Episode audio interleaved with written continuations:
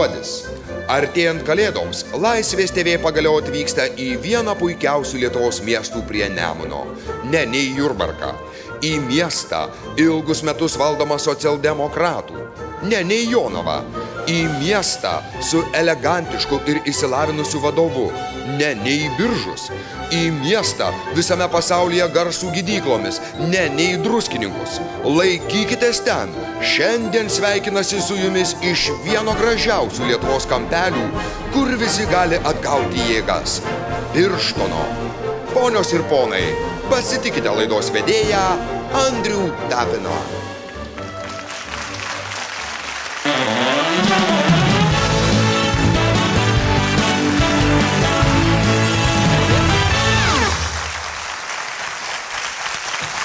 Sveiki, bičiuliai! Sveikiname su jumis iš e, Birštono, iš kontrastų miesto. Juk tik šiame mieste jis yra unikalus tavo priemestis, nes priemestis prienai, kaip suprantu, yra jūsų priemestis.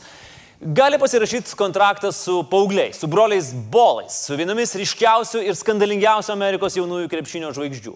Tik čia, šiame mieste, krepšinio klubas gali turėti dviejų miestų ir vieno kunigaikščio pavadinimą, bet kalba turi eiti apie mineralinį vandenį. Ir jeigu broliukai bei jų tevelis, didžiausias Amerikos sporto skandalistas, tikrai čia atvažiuos į Prienus ir Birštoną, tad laikykitės ten Birštone ir Prienai. What's the plan for them now? We're trying to get to the Lakers as quick as possible, and we can't be sitting around doing nothing. So how about we go somewhere? I don't care where it is and play. I don't care. We're playing Africa. We're playing on the moon. What can you tell us about where the Ball brothers are going? They've signed a, a one-year deal at Prienu Vitotas. Žinot, kai yra nesvarbu, kur žaisti, kaip sakė tėvelis Afrikoje ir Menulėje, tai tinka ir Prienų Birštono Vytautas. SPN transliuos tiesiogiai iš visur. Nuo Birštono biuvetės iki Prienų kavinės Beržas, kurią valdo UAB fantastiškų pavadinimų Prienų skausmo užuovėje. Nežinau kodėl, bet taip yra. O komandos treneris, žymusis Levirgis Šeškus, jau irgi susilaukė nereikėtos šlovės Amerikoje, kaip per vieną sekundę tapo labiausiai Amerikoje aptarinėjimų krepšinio treneriu. Iš tiesų, well played, well played Prienai ir Birštone. Tokio užsienio žiniasklaidos susidomėjimo Lietuva nebuvo susilaukusi nuo Gedvydo Vainausko pareiškimo apie nedaugiau kaip tris juodus vienoje komandoje. Tai bent jau šį kartą toks dėmesys tik į gerą, nors vėlgi mes kalbam apie tris juodus. Susikaupkite ir pavarykit. Padarykit vaizdo klipą, kaip ir birštone ir prienuose visi gerai kalba angliškai, kaip čia smagu ir koks geras internetas. Jonas Valančiūnas jau padarė labai gerą pradžią. Lithuania is a beautiful country. It's great. It's high level. We have great uh, basketball history. Everybody speaks English. You know, it's uh, you know, it's young generation especially. They all speak English, so No problem at all. no problem at all. Ir žinoma, būtina pervadinti mineralinį vandenį į levytautą ir labirutę ir pradėti kuo greičiau eksportuoti į Junktinės valstijas. Prienų meras, kaip mes matėm, jau irgi ruošiasi. Žada amerikiečius nustebinti.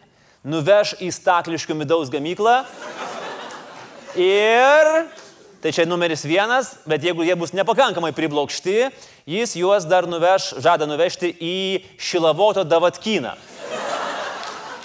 kur jie lydimi ESPN kamerų galės pasivaikščioti skulptūrų tą kursą ir wow, Lietuva.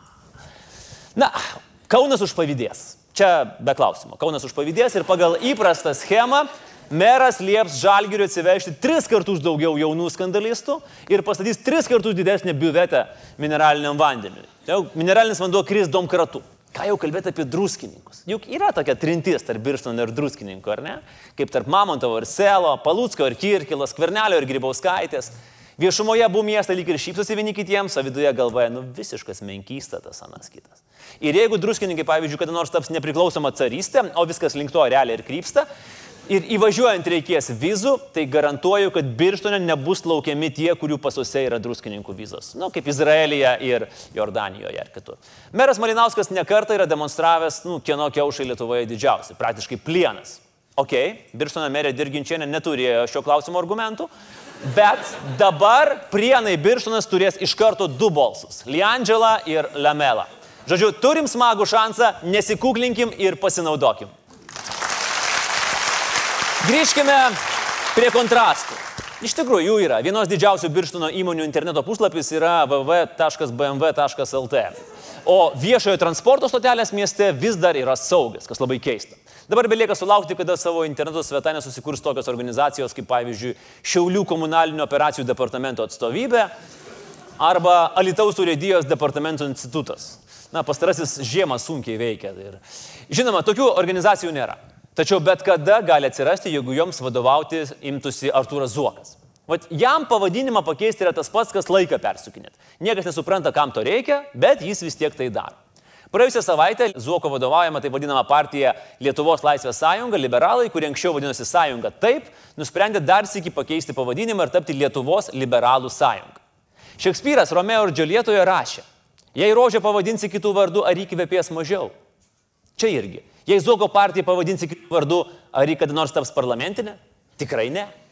Arba dar paprasčiau, jeigu Zuoko partija pavadinsi kitų vardų, ar įkvėpės kitaip? Kitaip pakvipo ir Seimo nario Lino Balsio istorija, kuris turi planą Lietuvai. Skirtingai nuo konservatorių plano Lietuvai šitas veikia. Tiesa, tik vairuoti išgėrus mėgstančiai Lietuvai. Taip kad klausykitės atidžiai ir užsirašinėkit. Ką daryti? Visą laiką turėk su savimi alkotesterį. Kai matysi, kad jau pripūtė beveik 2 promilės, iš karto sėsk į mašiną ir važiuok namo. Nesijaudink, net jeigu tavęs ieškos visos policijos pajėgos, neras. Namie užsirakink ir savaitę nieko neįsileisk, visų pirma, policijos. Viešai paskelb, kad gydaisi, bet nesakyk nuo ko. Tegu būna tokia intriga. Tada sulauk, kol bus nutrauktas iki teisminis tyrimas ir drąsiai kalbėk, kad alkotesterio parodymai buvo suklastoti ir dėkok teisėsaugai. Visiškas profitas.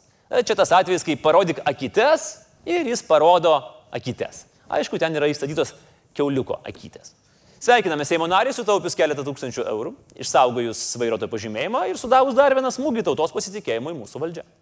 Beje, Liberalų sąjūdis praėjusią savaitę nu, rinko naują pirmininką. Jo tapo Eugenijus Gentvilas vienu balsu 330-329 nugalėjęs Vitalijų Gailių.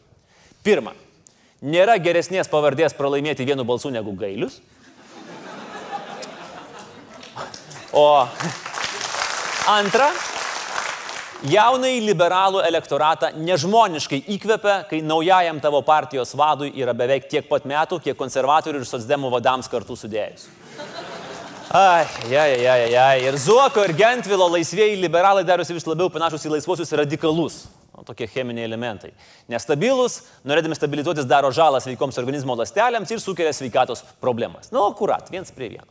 Kitos naujienos. Mums toliau plaukia laiškai, norintys susipažinti su neegzistuojančia, bet finansiškai apsirūpinusią ir Šekspyrą mylinčią Džiulietą. Na, čia iš mūsų praeitos laidos eksperimento, kur norėjome patikrinti, ar dar veikia pažinčių skelbimai. Nu, veikia, laiškai eina. Štai dar vienas ranka rašytas kūrinys. Saugodami privatumą, pilnos autoriaus tapatybės nenurodome, tai tiesiog, sakykim taip, mums parašė Ramūnas Kar, kar sakykim taip. Ir keletas citatų iš laiško. Labas, aš Ramūnas, save prisižiūrintis, linksmo būdo, mėgstu antrai pusiai skirti daug dėmesio. Niekada nemėgstu meluoti, Šekspyro nesuskaitęs. Mėgstu išklausyti ir būti išklausomas. Na, šiaip pagal stilių labai primena vieną mūsų pažįstamą ramūną. Bet vad kai pasiekėm vietą, kur sako, kad niekada nemėgstu meluoti, tai supratom, kad tikrai ne tas. Ir galtinai įsitikinom pamatę adresą, kad yra iš e, Kauno tardymo izolatoriaus. Tai kol kas mes gaunam tik kalinių laiškus ir nieko nuo to nepadarysim. Prisiminę laiškus, prisiminkim ir mūsų vienintelę ir nepakartojamą rubriką Sandėliukas. Tokius dalykus mes nuo šiol pasidėsime į savo virtualų sandėliuką ir Pirma į jį keliauja štai šį džiugį naujieną. Kelininkai išdidžiai paskelbė, kad yra pasiruošę ateinančios žiemos iššūkiams mažučiai. Šaunuoliai. Įdomu, vad kiek kartų šią žiemą mums teks traukti šią antraštę į sandėliuko, kai mus visus užsnigs, užlis, užledys, užšlapdribins ir taip toliau. Tai vad pirmas kartas. Prieš mėnesį pasakėm ir, e, kaip ir pastebėjot, praėjusios savaitės gale visas Vilnius, visas Kaunas, ten žinau, kaip su Birštonu buvo, bet ten viskas užlyjo, užstrigo, užledijo ir užšlapdribijo. Štai va tokia puikiai antraštė spalio vidury ir mums prireikė vos pusantro mėnesio, kad ją išsitrauktume. Taip kad šaunuoliai kelininkai, jūs niekada nenuvilėte ir esate tikras plikledžio stabilumo garantas mūsų jaunoje demokratijoje. Na, o dabar metas mūsų pagrindiniai temai. Vienas iš nejaukiausių klausimų, kurių sulaukiu, Andriu, kada trečia knyga? Nu, čia iš tos serijos, kai dėdė šventės baliui klausia, na tai kada tavo eilė? Tik bedelė, kad dėdė sumaišė laidotojų su vestuvėmis. Arba pavyzdžiui, kai moteris sulaukė sveikinimo su busimuoju šeimos pagausėjimu, nors ji nesilaukė. Gabrielius Landsbergis irgi žino tau jausmą, kai susėda visi prie kūčių stalo ir senelis lyg tarp kitko klausia, nu tai kada premjeru būsi, anūkė? Kada bus trečia knyga, aš nežinau. Tikrai nežinau. Spėju, kad ne anksčiau, negu aš ją parašysiu. Liko visai nedaug. Reikia pradėti ir pabaigti. At įsivaizduokit mano veidą, kai savaitgalį pradeda plaukti man žinutės sveikinam su nauja knyga. Iš pradžių draugiškus, po to vis piktėjančios. Turbūt panašus jausmas, kai perskaitai SMS nuo buvusios klasiokės. Tai sveikinu, būsi tėtis, nors tu net nedalyvavai tame klasiokų susitikime. Leidikla teiraujasi, tai kaip čia taip įvyko, kad išleidau knygą be jų žinios. Kitas piktas skaitytojas nori žinoti, kodėl aš įsižadėjau lietuvių kalbos ir knygą parašiau latiniškai. Nieko aš nebesuprantu. Kol geri žmonės nepasako, kad pasirodo, mano nauja knyga atpildo mėnų, jau yra platinama linkomanijoje. Ir žinot, čia yra pirmas atvejis kūrybos istorijoje, kai skaitytojai pamato knygą anksčiau negu jos autorius.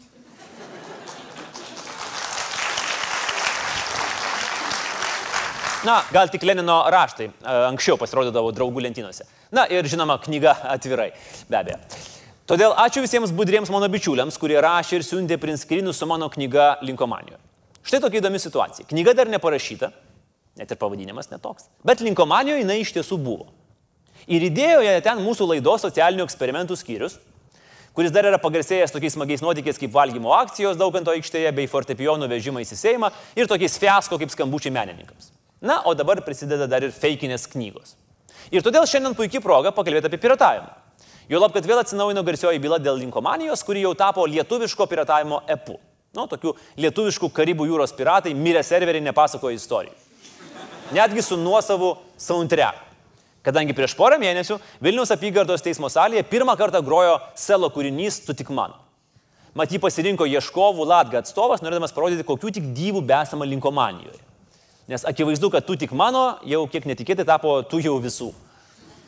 Autorių teisų gynėjai prašė teismą priversti didžiosius šalies interneto tiekėjus blokuoti prieigą prie linkomanijos. Na, trumpiau tariant, Latga atstovaujantis teisininkai norėjo linkomaniją pakeisti į užlinkomaniją. Ir teismas pritarė. Penki didieji interneto operatoriai turi blokuoti tą vieną svetainę. Kaip patys išmano, viskas, piratavimo pabaiga. Įdomu tai, kad sprendimu nepatenkinti liko ne tik linkomanai, savaime aišku, bet ir interneto tiekėjai. Jie ruošiasi skūsti sprendimą, kadangi jų nuomonė ne jų darbas kažką blokuoti. Ypač kai žmonės nesunkiai ras tokį blokavimą, kaip apeiti. Tai šiandien aiškinsimės, kodėl sakydami piratas, turime omeny ne 15 vyrų ant numirėlio skrinios jo ho ho ir butelį romo, o serverius blokavimus ir VPNus. O jeigu kas nors labiau norėtumėte sužinoti apie jūrų piratus, tai jums reikės ne čia, o į linkomaniją, nes ten visko yra. Beje, mūsų laida yra irgi nukentėjusi nuo piratų. Rimtai. Tik pasirodė pirma laida, ją kažkas nuripino ir įdėjo į linkomaniją nemokamą laidą, kurią galima laisvai žiūrėti legaliai.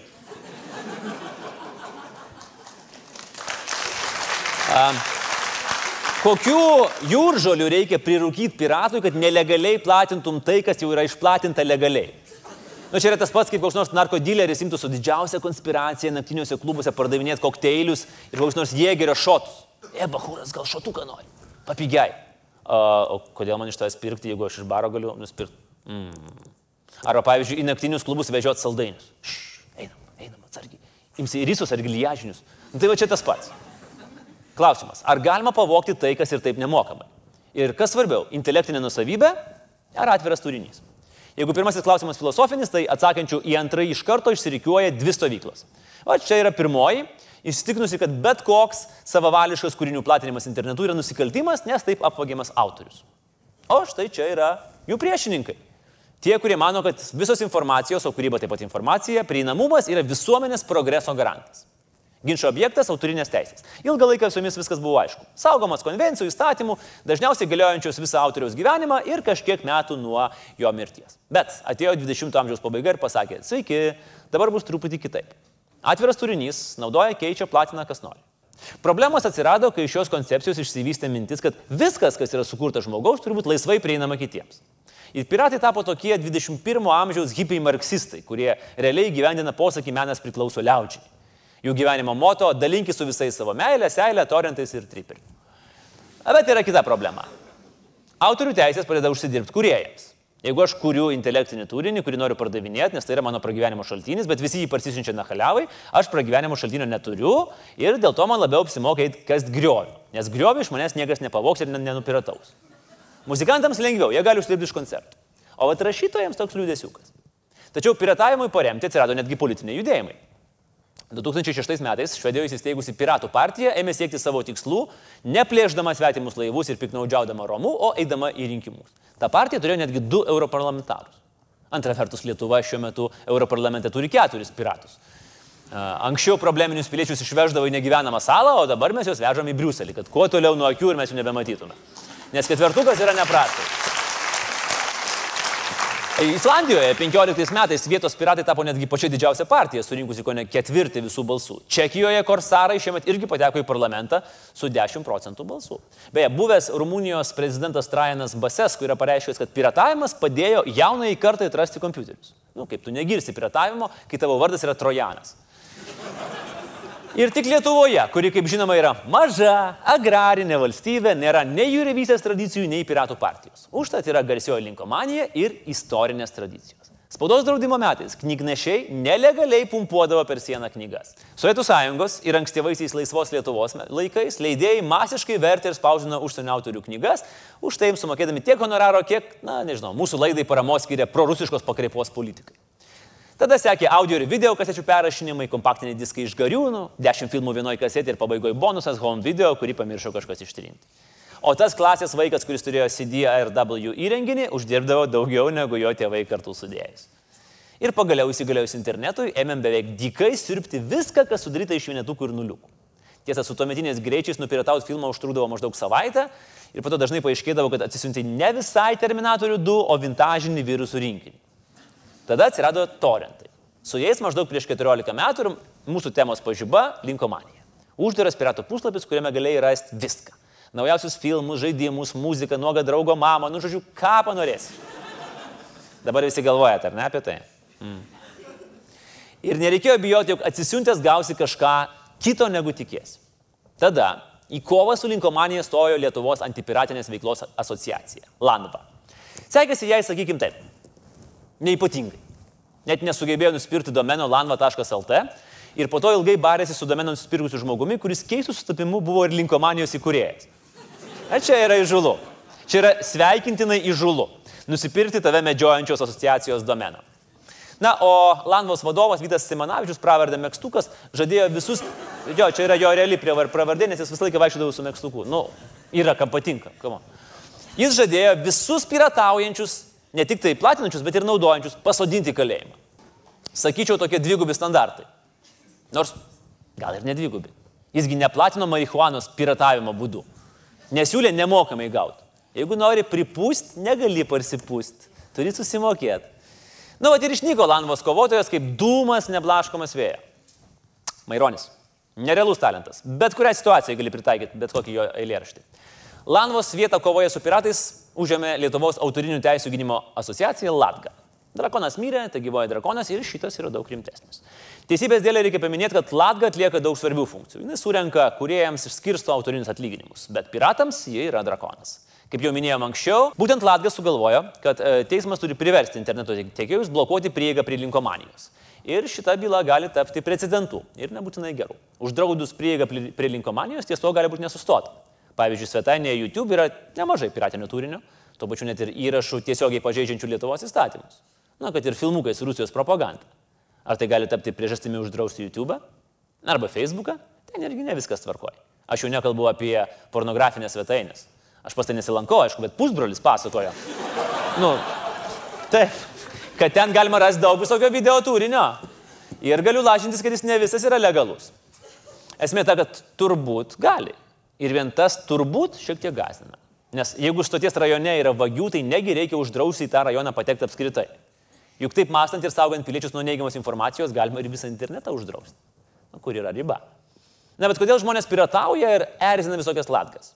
Anksčiau visi piratavo dėl to, kad nebūdavo kur nusipirkti originalių dalykų. O jeigu ir būdavo, tai kainos su tuometinėmis algomis atrodė kosminės. Pavyzdžiui, po išleidimo 98 metais kultinis kompiuterinis žaidimas StarCraft kainavo maždaug 140 litų. Minimali alga tuo metu Lietuvoje buvo 430 litų. Turguje žaidimo ruskąją versiją galėjai įsigyti už 10 litų. Na, grubiai tariant, 15 kartų pigiau. Ir dar išversta į kalbą, kurią tu gerai supranti. Kodėl piratauja dabar? Priežastys skirtingos. Panagrinėkime tas priežastis ir kas nutiktų, jeigu tie piratai prarastų galimybę piratauti. Pirmoji kategorija Varguoliai. Jie piratauja vien dėl to, kad produktų neįperka. Lietuvoje minimalią algą uždirba 200 tūkstančių žmonių. Tai yra 20 procentų dirbančios populacijos. Pripažinkim, kad šie žmonės arba jų vaikai dėja tikrai neįperka originalių žaidimų, brangių knygų ir negali vaikščioti į kino teatrus žiūrėti naujausių filmų. Ir jeigu jie neturėtų galimybės piratauti, autorių biudžetas nuo to smarkiai nepasipildytų. Tiesiog turėtume daugybę neturinčių ką veikti žmonių. Tas prie gero niekada neprivedė. Kas jau kas, o šalis, kurioje buvo įsteigtos darbo partija ir tvarka su teisingumu, tą puikiai žino. Antra kategorija - kleptomanai kolekcionieriai, kurie siunčiasi viską. Reikia ar nereikia. Užpildo kažkelintą kietą į diską filmais, kurių niekada nepažiūri, visas knygas parsisiunčia su mintim kažkada jas paskaityti, įsirašo žaidimus, kurių niekada nepereina. Pagrindinis užsiemimas pats piratavimas. Na nu, čia kaip žvėjas, kuris žvėjoja ne tam, kad kažką pagautų, o dėl žvėjybos. Tik dėl žvėjybos. Kas būtų, jeigu atimtume iš jų galimybę piratauti? Na, jie taip pat turbūt karšlygiškai imtų kolekcionuoti kažką kitą, pašto ženklus, porceliano servizus ar alaus kamštelius. Gal nusipirktų kokią knygą ar nuėtų kokį kino teatrą. Tai jau nubirėtų keletas centukų autoriams, bet rimtų uždarbių tikėtis sunku. Trečia kategorija - saliginiai piratai. Tie, kurie iš pradžių nusipiratauja norimą produktą ir nusiperka jį tik tada, jeigu jis jiems patinka. Vat kaip būtų gerai, jeigu taip galėtume rinkti Seimo narius. Ane? Išsirenki ir žiūri, ar patinka. Jeigu patinka, tada balsą atiduodi, jeigu nepatinka, tada, nu, out. Žodžiu, Seimo narių piratavimas būtų tikrai puikus dalykas. Grįžkim prie staliginių piratų. Galima pagalvoti, kad pastarėjai negalėtų piratauti, tai prastų knygų, filmų ir žaidimų autoriai uždirbtų daugiau pinigų. Ar tai gerai? Turbūt ne, nes tai skatintų dar didesnį prastos kokybės produktų atsiradimą. Ketvirtoji kategorija. Piratai netičiukai. Na, yra svetainių, kur nuėjęs gali susimokėti mokestį ir žiūrėti filmus. Ir tuo pačiu būti įsitikinęs, kad sumokėjai autoriams, o ne piratams ar bent apsimesti, kad esi įsitikinęs. Na, čia panašiai kaip gariūnuose pirktis originalius Adidos kėdus ir įtikinti save, kad čia viskas tvarkoja, viskas čia gerai, normaliai viskas. O raidė yra sezono trendas, 17 metų modelis. Penktoji kategorija yra tie, kurie piratauja tik tuos dalykus, kurių negali gauti legaliai. Na, pavyzdžiui, amerikietiškas šou programas, kurių nerodo joks kanalas. Arba dėl geoblokingo pastarosios nėra prieinamos Lietuvoje. Geoblokingą galima apgauti. Proxy programų pagalba galima apsimesti esant iš Amerikos ir sumokėjus mokestį mėgautis Lietuvoje neprieinamų turinių. Bet tokiu atveju iš jūsų pelnosi tik retransliuotojas, o ne autoriai. Na ir dar yra gausybė nemokamo turinio, kuris dėl to paties geoblokingo mums yra neprieinamas. Kodėl? Dažniausiai todėl, kad milijonai amerikiečių tiki, kad Žemė yra plokščia, o Amerika yra jos centras. Ir tarp jų yra televizijos producerių, kuriems tiesiog nusispjauti ant rinkų tų šalių, kurių pavadinimų jie niekaip nesugeba ištarti. I am from Lithuania. Little fucking what? Na ir yra šeštoji kategorija. Tikrieji piratai, kurie net ir galėdami įpirkti produktus vis tiek jų neperka, nes gali gauti dykai. Tai jiems eilės kino teatre per ilgos, tai popkornai per sūrus, tai šiaip pinigų gaila, nes filmas tinkamas nebent per kompą žiūrėti, o ir kamrypas visai neblogas tame faile.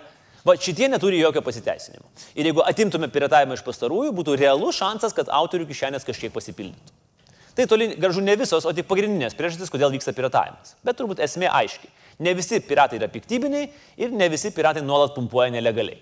Dauguma turėdami galimybę, tai yra legalią prieigą prie filmo arba oresnę algą, piratauti nustotų. Bet to įvertinti žalą autoriams yra labai sudėtinga. Niderlandų bendrovė Ecorys atliko ES užsakytą tyrimą, kurio išvadose teigia, kad apskritai vertinant, rezultatai nepateikia patikimų statistinių įrodymų, kad internetinis autorių teisų pažydinėjimas išstumtų pardavimus. Kodėl apie šį tyrimą negirdėjote anksčiau? Nes gavusi tyrimo, į kurį investavo apie 360 tūkstančių eurų rezultatus, portalo Gizmodo duomenimis ES nusprendė jų neviešinti A, mintis kyla įvairios. O kokie dalykai yra visgi labiausiai pirataujami? Ką siurbia į savo kompiuterius lietuviai? Štai lyderiai Linkomanijoje. Net 30 pozicijose, tarp jų ir pirmoje, Grand Theft Auto. Na, niekas negali nugalėti mūsų meilės automobiliams, ypatingai voktiems. Antroji vieta su įvairių lietuviškų knygų pakų paneigia prognozes, kad lietuvių yra neskaitanti tauta. Jeigu galima visas knygas ir nemokamai skaitom. O trečioji, Raždionoje Sėtskam Sajūzė, parodo, kad net ir piratai mano, kad prie Ruso buvo geriau. Zero 2 nutildo visus skeptikus, kurie sakė, kad lietuviškų filmų niekas nevagė. Vagė galbūt labiau negu magnetolas. Iš karto už dešimtuko ribų 11 vietoje anglonas. Na, čia jau išdidu. Žmonės nori mokytis angliškai, kad galėtų suprasti po galais, kas bus toj kitoj GTA misijoje. O tiems, kam nepadeda žodynas, į pagalbą ateina iliustruota istorija, kur yra 13 topo vietoje. Ir kas galėjo pagalvoti, kad lietuviams bus taip įdomu, kaip Indijoje buvo išjungtas koks nors Vasko Dagama. 77 tūkstančiai atsisiuntimų. Mistika visiška. Ir ne, kad ir kiek skrolintum žemyn, žmonės nevagia nei ekonomikos vadovėlių, nei tautiškų raštų, nei tautiškų filmų, netgi Barto filmų vis dar nevagia, nevagia ir Puipos filmų. Nuodėmės užkalbėjimas, pavyzdžiui, kaip tiksliai aprašyta, yra tik Algymanto Puipos drama. Filmą parsisiuntė beveik 600 žmonių. Va toks tas mūsų lietuviškas kinas. Ir statistika nepadeda verkiantiems apie tai, kaip piratavimas apvagė lietuviškus autorius. Nuodėmės užkalbėjimas tuo metu buvo populiariausias ir pelningiausias filmas. Na, aišku, juoda sėkmė. Vėliau Zero buvo pelningiausias režisierių džiaugintis, kad pagaliau atsiperka kinas. Ir nepaisant to, kad jis patenka į nupiratautų topą. Ką siūlome daryti, kad piratavimas mažėtų? Turbūt reikėtų lengvai prieinamo prenumeruojamo turinio. Jau nesikė. Minėtas Netflixas už 10 eurų per mėnesį gaunate prieigą prie maždaug 3,5 tūkstančio skirtingų pavadinimų. Beje, turinį, įdomus faktas, jie atrinkinėja žiūrėdami labiausiai pirataujamų filmų topus. Rimtai, Netflixas piratus naudoja kaip statistinės analizės agentūrą. O štai Netflixo konkurentų Amazon Prime paslaugomis galite naudotis dar pigiau. Pusę metų vos už 3 eurus per mėnesį. Ir būtent Amazono vartotojai ateityje sulauks žydų valdovo serialo, kurį kai kas jau tituluoja didžiausių sostų karų konkurentų. Na, pagyvensim, pamatysim. Kai sostų karai tapo labiausiai pirataujamų šou visame pasaulyje, Time Warner, kuriai priklauso HBO kompanijos vadovas, pareiškė, kad tai yra geriau negu Emmy apdovanojimas. Kai milijonai žmonių siunčiasi tavo serialą ir dėl to rizikuoja gauti nemenką baudą Amerikoje, tai yra puikus komplimentas. Muzikos klausytis galite per Spotify, Tidal, Deezer, kompiuterinių žaidimų mėgėjai gali naudotis paslauga PlayStation Now, kur už 10 eurų per mėnesį žaisite bet kurios iš 500 siūlomų žaidimų ir tam net nereikia turėti PlayStation konsolės. Užtenka valdiklio arba linksmakočio, linkėjimai valstybiniai lietuvių kalbos komisijai už tai pavadinimą. Vien tik blogos mintis, vien tik blogos mintis. Linksmakotis. Ir tavo kompiuterio. Bet grįžkime prie mano neegzistuojančios knygos išplatinimo linkomanijoje. Beje, ačiū paslaptingiesiems jos adminams už pagalbą gyvendinant šitą eksperimentą. Per pusantros dienos atpildo mėnesį parsisiuntė apie 600 žmonių. Ar tai reiškia, kad būčiau pardavęs 600 egzempliorių daugiau? Tikrai ne. Pirmas dalykas dėl to, kad knyga neegzistuoja. Antras dalykas, kad dalis siuntėsi iš smalsumo ir originalų tikrai nepirktų. Kiti galbūt negali sauliaisti įkvoti kuklaus šeimos biudžeto knygoms. Dar galbūt jie siuntėsi piratai kleptomanai, kurie turbūt jos neskaitys, bet atsisiuntė dėl viso pikto, nes visi siuntėsi. Tarp siuntėjų galėjo būti ir saliginių piratų, kurie pasiryžtų sumokėti tuo atveju, jeigu knyga patiks. Nereikia pamiršti nekantruolių, tų, kurie nulykintą knygą norėjo skaityti čia ir dabar, nelaukdami dar kelių mėnesių, kol ji bus išleista. Ir dar buvo tų, kurie galbūt mane, kad neturės galimybės greitai įsigyti knygos. Nu, pavyzdžiui, tikiuosi, kad Zimbabvės lietuvių bendruomenė, kur neturi prieimo prie lietuviškų knygų. Atmetus visus šitos veikėjus, greičiausiai liktų koks šimtas tokių potencialiai galėjusių įsigyti knygą, bet kurie gavo ją nemokamai. Ir tai jau yra tiesioginiai nuostoliai, potencialūs tiek man, tiek leidyklai. Ir čia kiekvienas galime nuspręsti, ar padidėjusi kūrinio sklaida, tuo pačiu metu ir populiarumas, bei prieinamumas visiems atsveria šitos hipotetinius nuostolius. Game of Thrones kūrėjai sako, kad atsveria. Aš pats dar apie tai pagalvosiu. Kviečiu pagalvoti ir visus kitus. Tiek piratus, tiek jų gaudytojus. Nes diskusija prieš teismą, prieš teismą, o ne po jo, tikrai padėtų mūsų jaunai demokratijai.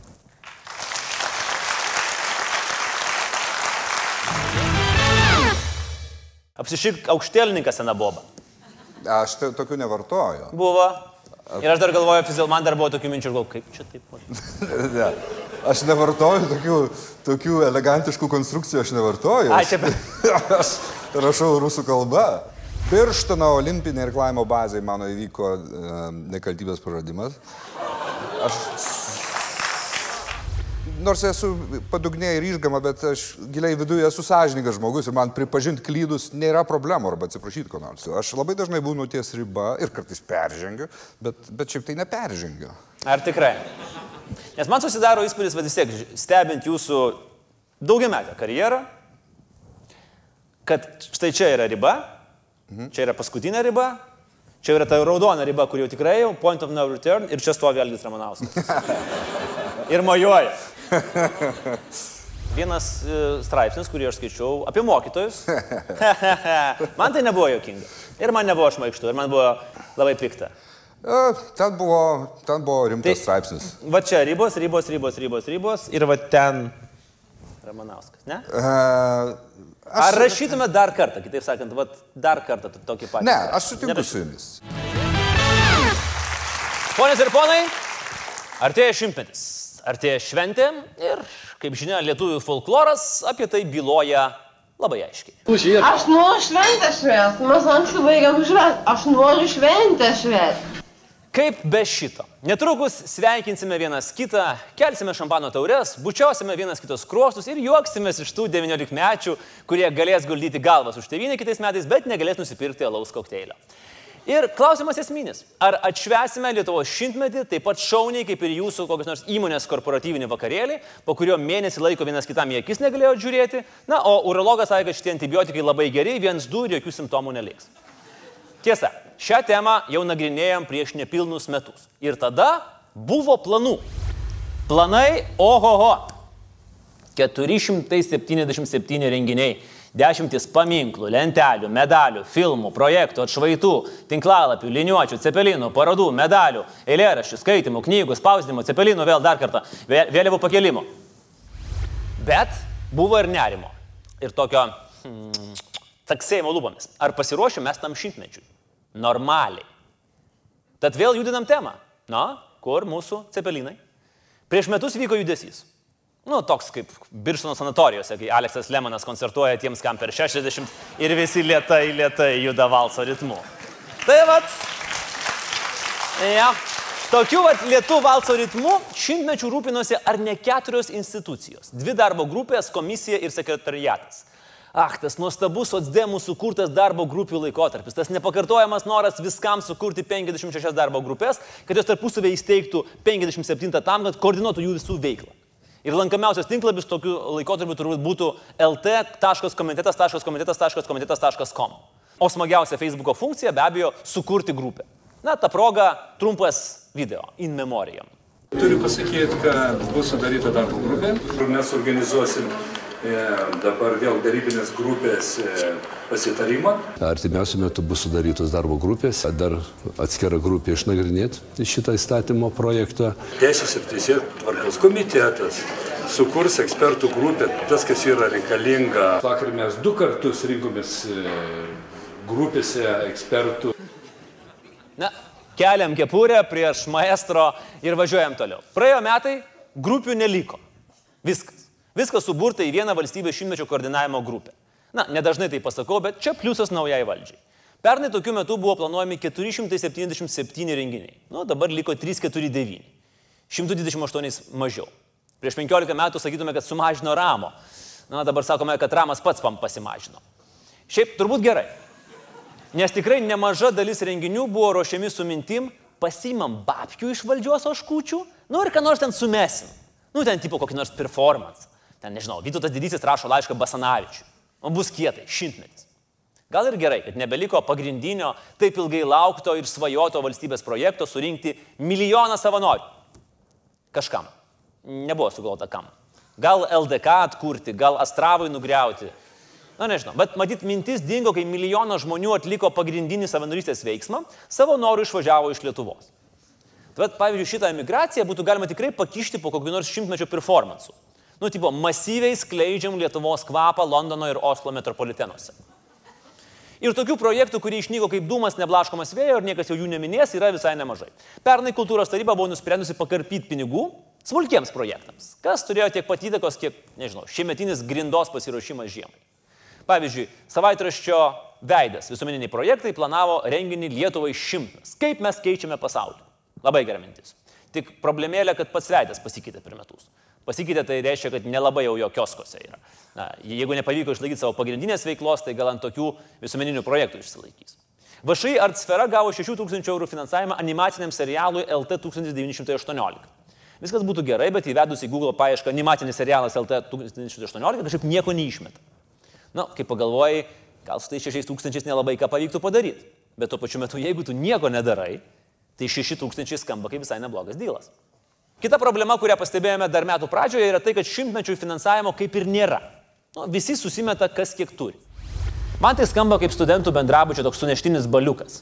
Valentas sakė, ne žuvies, Gabrielius gal kokią samagono iš senelio nuknis, Dainora žadėjo iš tėvo šaldiklio šerno parnešti, Gapšys kaip visada bandys nachaliavo prasisukti, Ramūno nebus, nes jis nebalevoja, Saulis Saulėtikio miškelėje draugovininkų dirba, Greta ruošiasi anglų koliui, nes važiuos į Ameriką, Gal Viktoras ko parūkytą atneš, kažkaip gerai kilbasina pastaruoju metu, pasikabinti man sienos metonos nuotrauką ir opa, minėjimas.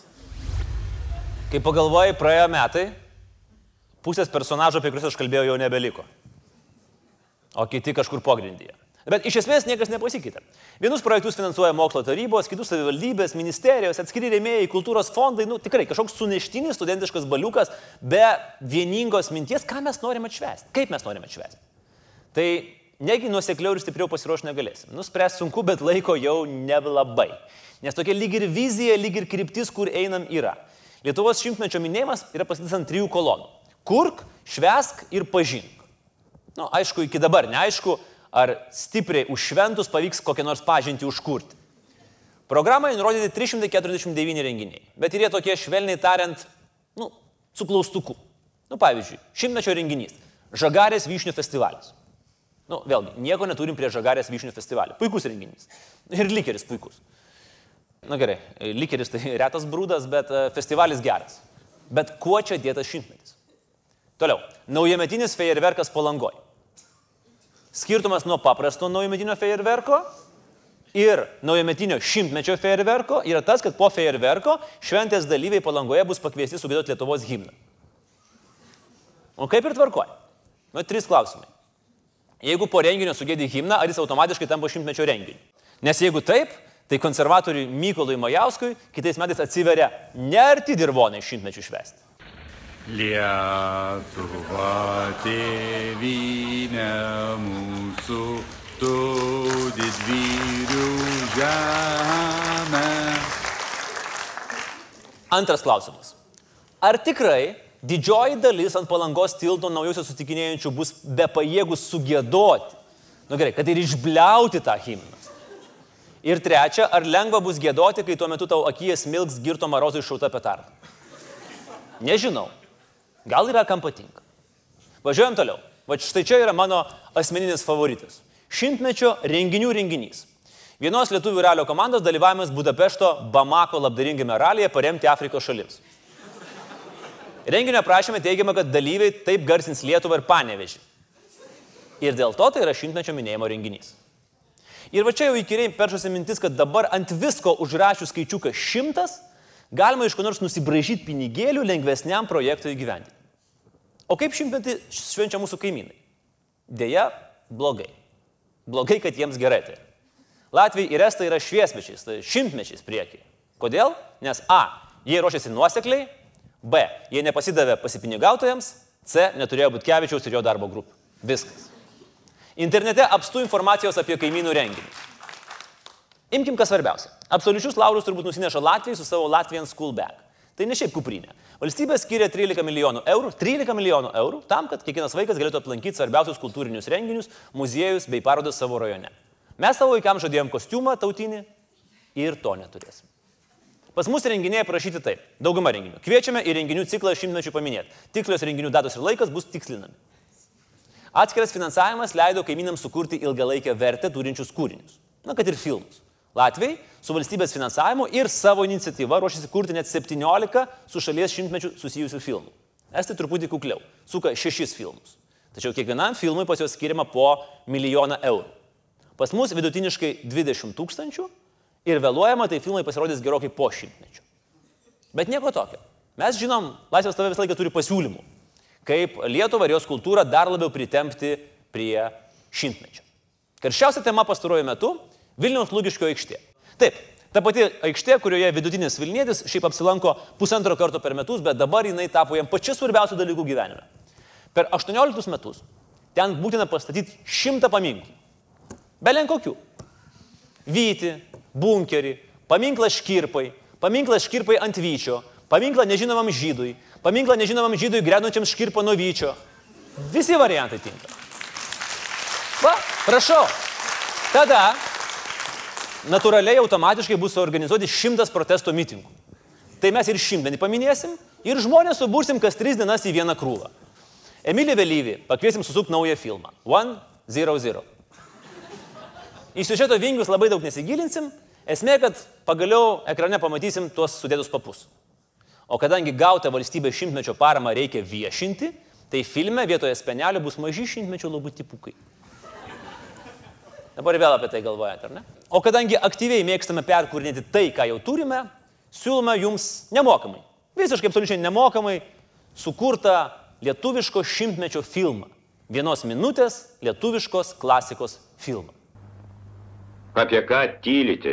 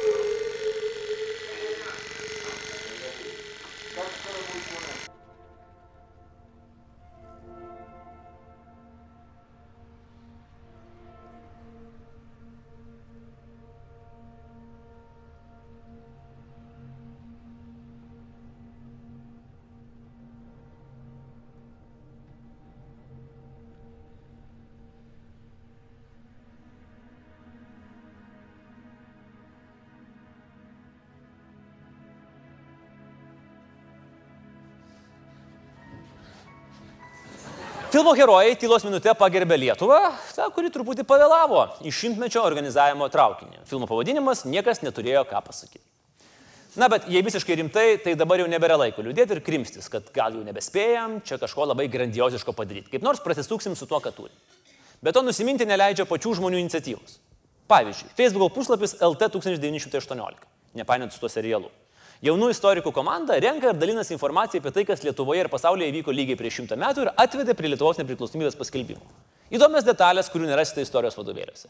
Tad kviečiu bent jau palaikinti šitą entuziastų puslapį Facebook'e, nes būtent tokios jaunų piliečių iniciatyvos mus tikrai įkvepia. Ir turbūt tada galėsim ir pasveikinti savo jauną demokratiją, kuris sugebės kartu su mūsų tautiečiais ir be labai didelio valdžios įsikišimo atšvesti Lietuvos gimtadienį. Ir man reikia pasakyti, tai jau yra viskas šio vakaro mūsų laidoje. Ačiū visiems žiūrėjusiems, ačiū visiems būsiems Birštone. Laikykitės ten ir iki pasimatymo jau kalėdinėje laidoje ir mūsų gala šventėje. Ačiū visiems ir iki. Dėkui.